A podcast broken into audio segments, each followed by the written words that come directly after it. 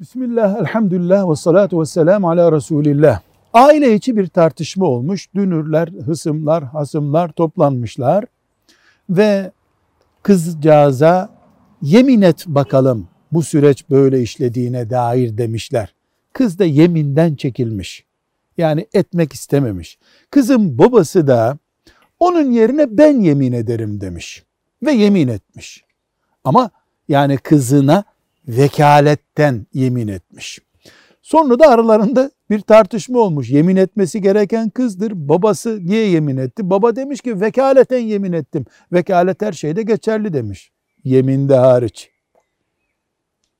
Vekalet mali ibadetlerde, bedensel işlerdedir. Yemin gibi bir işte vekalet olmaz. Herkes kendi yeminini yapar. Bu yanlış. Orada yemin yok kabul ederiz. Velhamdülillahi Rabbil Alemin.